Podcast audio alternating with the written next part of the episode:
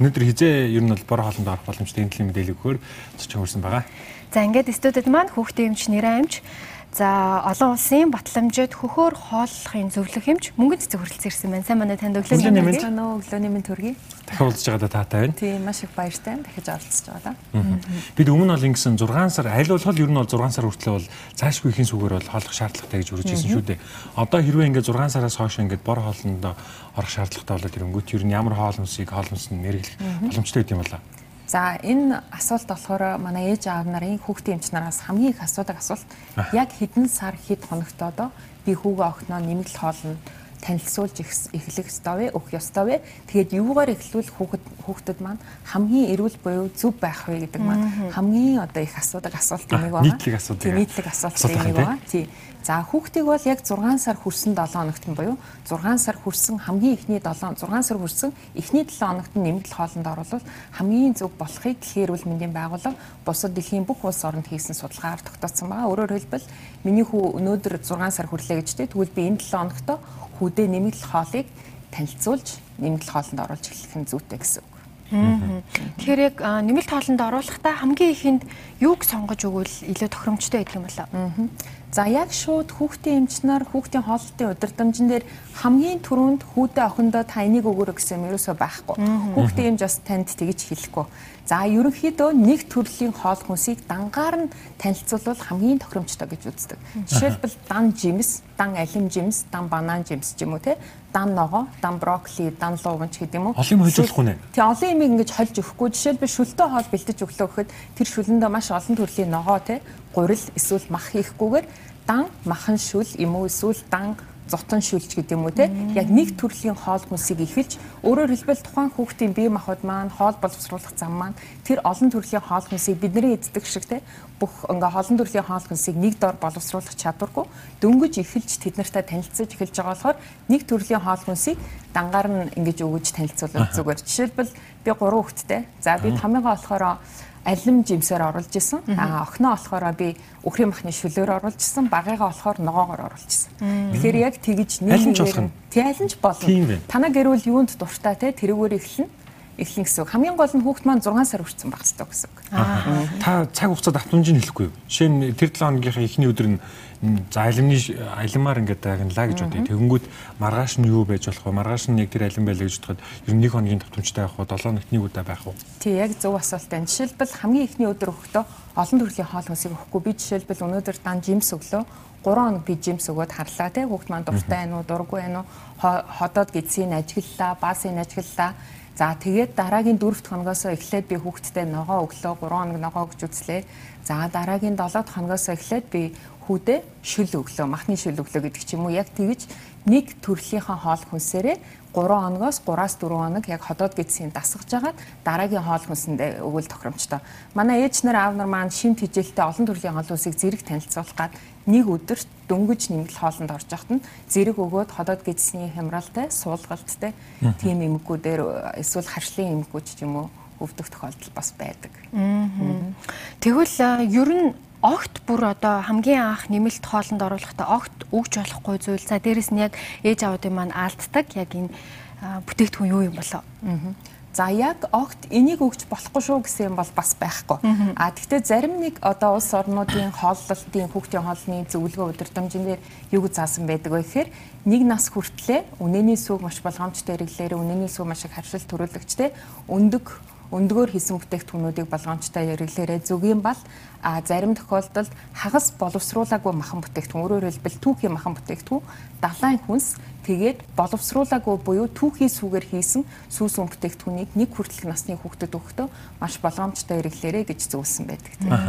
За одоо шинэ ингээд э, жимсээр ч юм ингээд дагналаа гэж бодъё. Тэнгүүд аль цагт өгвөл тохиромжтой өдөрт нэг удаа гэвэл өдрийн цагтаа зүгээр байх нь орой унтахт нь байна уу өглөө дөнгөс ирснийхэн дараа нь Тийм жимсийг болохоор эхлэхдээ ер нь заа яхаа заавал жимс ч гэлтгүй тий хоолыг эхлэхдээ эхлээд нэг удаа өдөрт нэг удаа өгнө гэсэн. Миний өнөөдөр хүүгийн нэмэгдэл хоолнд орж байгаа хоол хүнстэй танилцж байгаа хамгийн ихний өдөр бол өнөөдөр нэгээ өгөөд маргааш би 2 болгоод 3 болгоод тэгэж баг багаар нэмэгдүүлнэ гэсэн.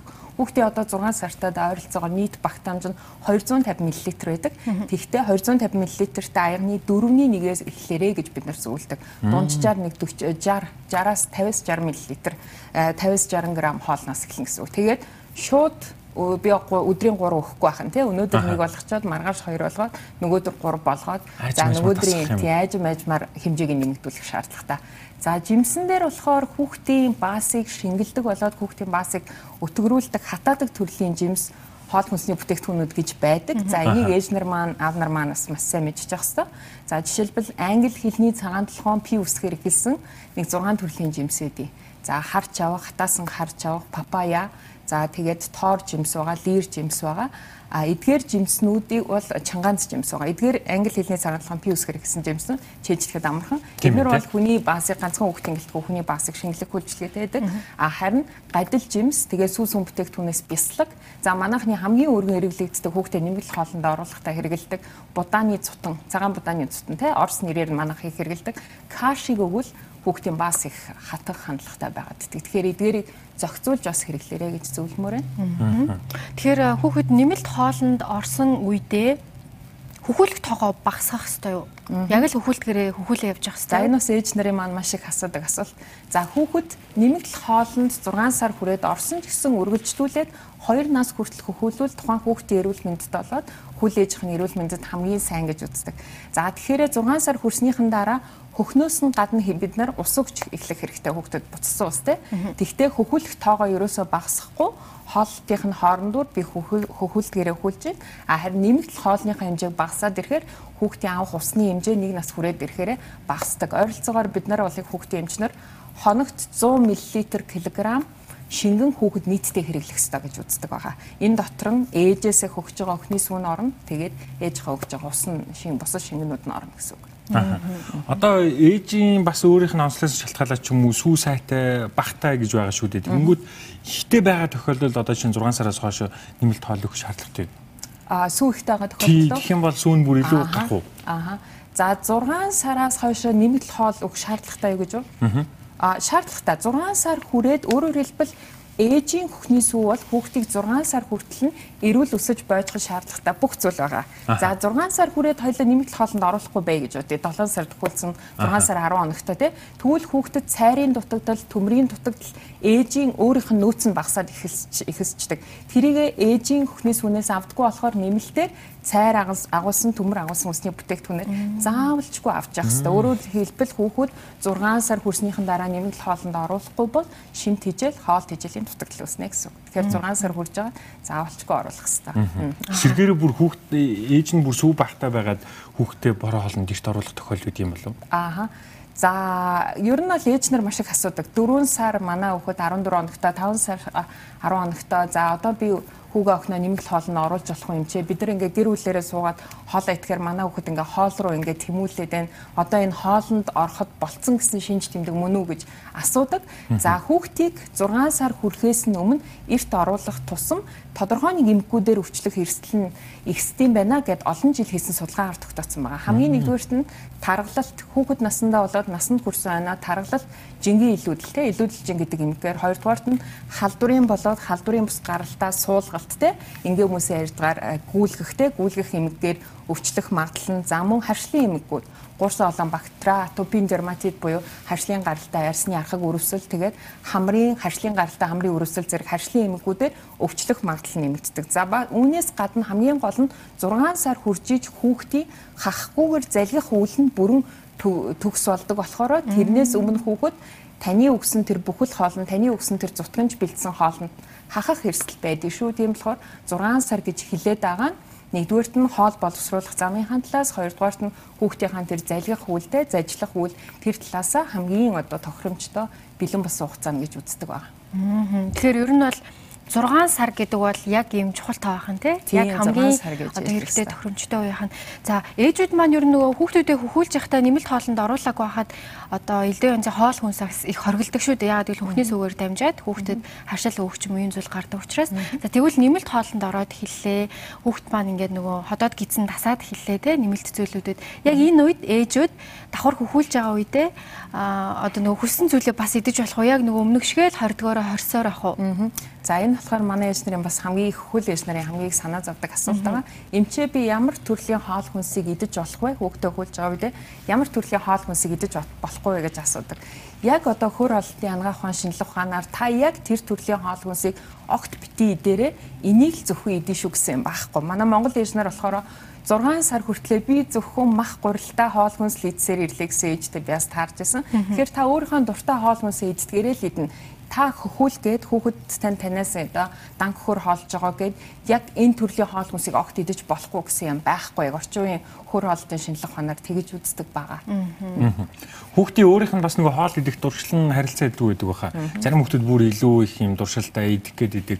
Тэнгүүт нөгөө анх дөнгөж 6 сар яг хөрөнгөт нь хоол өгсөн чинь юу гэдэг нөгөө саяны ярьжсэн нөгөө 50-аас 60 мг-аас нь бүр хэтрүүлэг идэх тийм тохиолдол яах вэ? Ааха За яг тийм тохиолдол гардаг. Өөрөөр хэлбэл хүүхдийн хоол боловсруулах замын одоо хөхний сүүнээс бусад төрлийн хоол хүнсийг боловсруулах үйл маань тэр хоол хүнсийг шингээх үйл маань яг 6 сар хүрчиж болдог. 6 сар хүрчиж бүрэн тогтворчдөг байгаа. За тэр үед нь бид нэмэгдэл хоол өглөө. Зарим хүүхэд хоолны дуршил нь хит их байж болно. Зарим нь эсвэл жоохон хожим уруснаас болоод зөвхөн мэмэндээ дуртай ч юм уу хөндөө дуртай байгаад ээж болно. А үнэхээр тэгж хитрүүлэн идгээд байвал тэрийг одоо ээж аав зохицуулна гэсэн үг. За тэгээд нэмэлт хоолнд оруулдаг хоёр үндсэн арга байдаг. Уламжлалт арга буюу хоолыг зутан нухаж хэлбрээр бэлдээд ээж аав эмээ уваахагч хүүхд рүү халбгаар ингэж халбагдаж өгдөг арга энэ бол уламжлалт арга бид нар баг бүгдээр энэ аргаар нэмэлт хоолнд орсон. За сүүлийн 10 гаруй жилийн хугацаанд baby led weaning буюу хүүхдийг өөрөөр нь бариулж идэх энэ аргын талаар ярьж байгаа. За энэ аргын үед хүүхэд өөрөө тэгж ерөөсө хэтрүүл хийхгүй хүүхэд цадсан бол дахиж гараараа тэр тавган дээрээс тэр аяган дотроос юм авч идэхгүй л гэсэн үг. За тэгж хэтрүүлэн иддэг арга бол уламжлалт аргын үед их байдаг.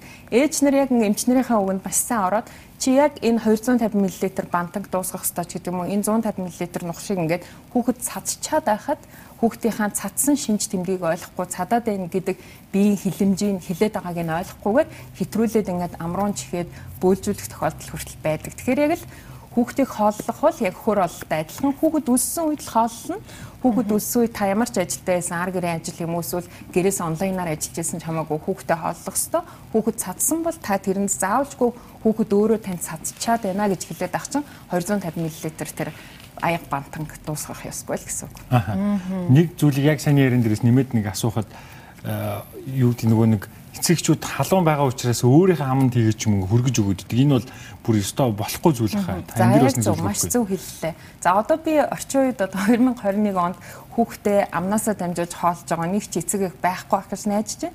За энэний хамгийн урхагтай тал нь юу вэ гэхээр хэрвээ аав ээж ангийн буюу гүйсэн булчирхан архаг өрсөлдөй тохиолдолд таны шүсэн дотор тэр гүйсэн булчирхан архаг өрсөл буюу хоолойны ангиныг үүсгээд байгаа ням байж лээд таны хоолоо өвдөггүй ч гэсэн тэр байн байгаа. За тэгвэл би ингээд нэг юмыг бутлах гад аман дотроо хийгээд хүүдээ охиндоо дамжуулаад өглөө гэ. Тэгвэл миний шүсээр дамжаад миний хүү охинд хэдхэн сартай ахтан 6 сартай ахтан 7 сартай ахтан тэр гүйсэн бочирхан архаг өрөвсөл үүсгдэг. А одоо бид нар ангаахын нэр томьёогоор бол цус задлагч А бүлгийн стрептокок гэдэг нэртэй нямаан дамжаад халччихдаг гэсэн. За ингээд хоолой нь өвдсөн хүүхдүүдийг бас би маш олон удаа үзчихсэн. Яг ингээ асуугаадсэн чинь нэрээ даарсан хөрсөн юм яхаа байж болно те дархлаан суларсан тэрнээс гадна амаараа хоолсон юм биш үү гэд би асуудаг. Та амаараа дамжуулж хоолж өгдөг үү? Эсвэл амаараа дамжуулж үлээж өгдөг үү те? Үлээж хоолыг хөр өргөдөг үү яг чиний хэлдэг шиг. Тэгэхээр яг тгийж хоолдог эцэг эхүүд илүү төлхөө байгаад байдаг. За маш хэрэгтэй үнэтэй зөвлөгөө өгсөн танд маш баярлалаа.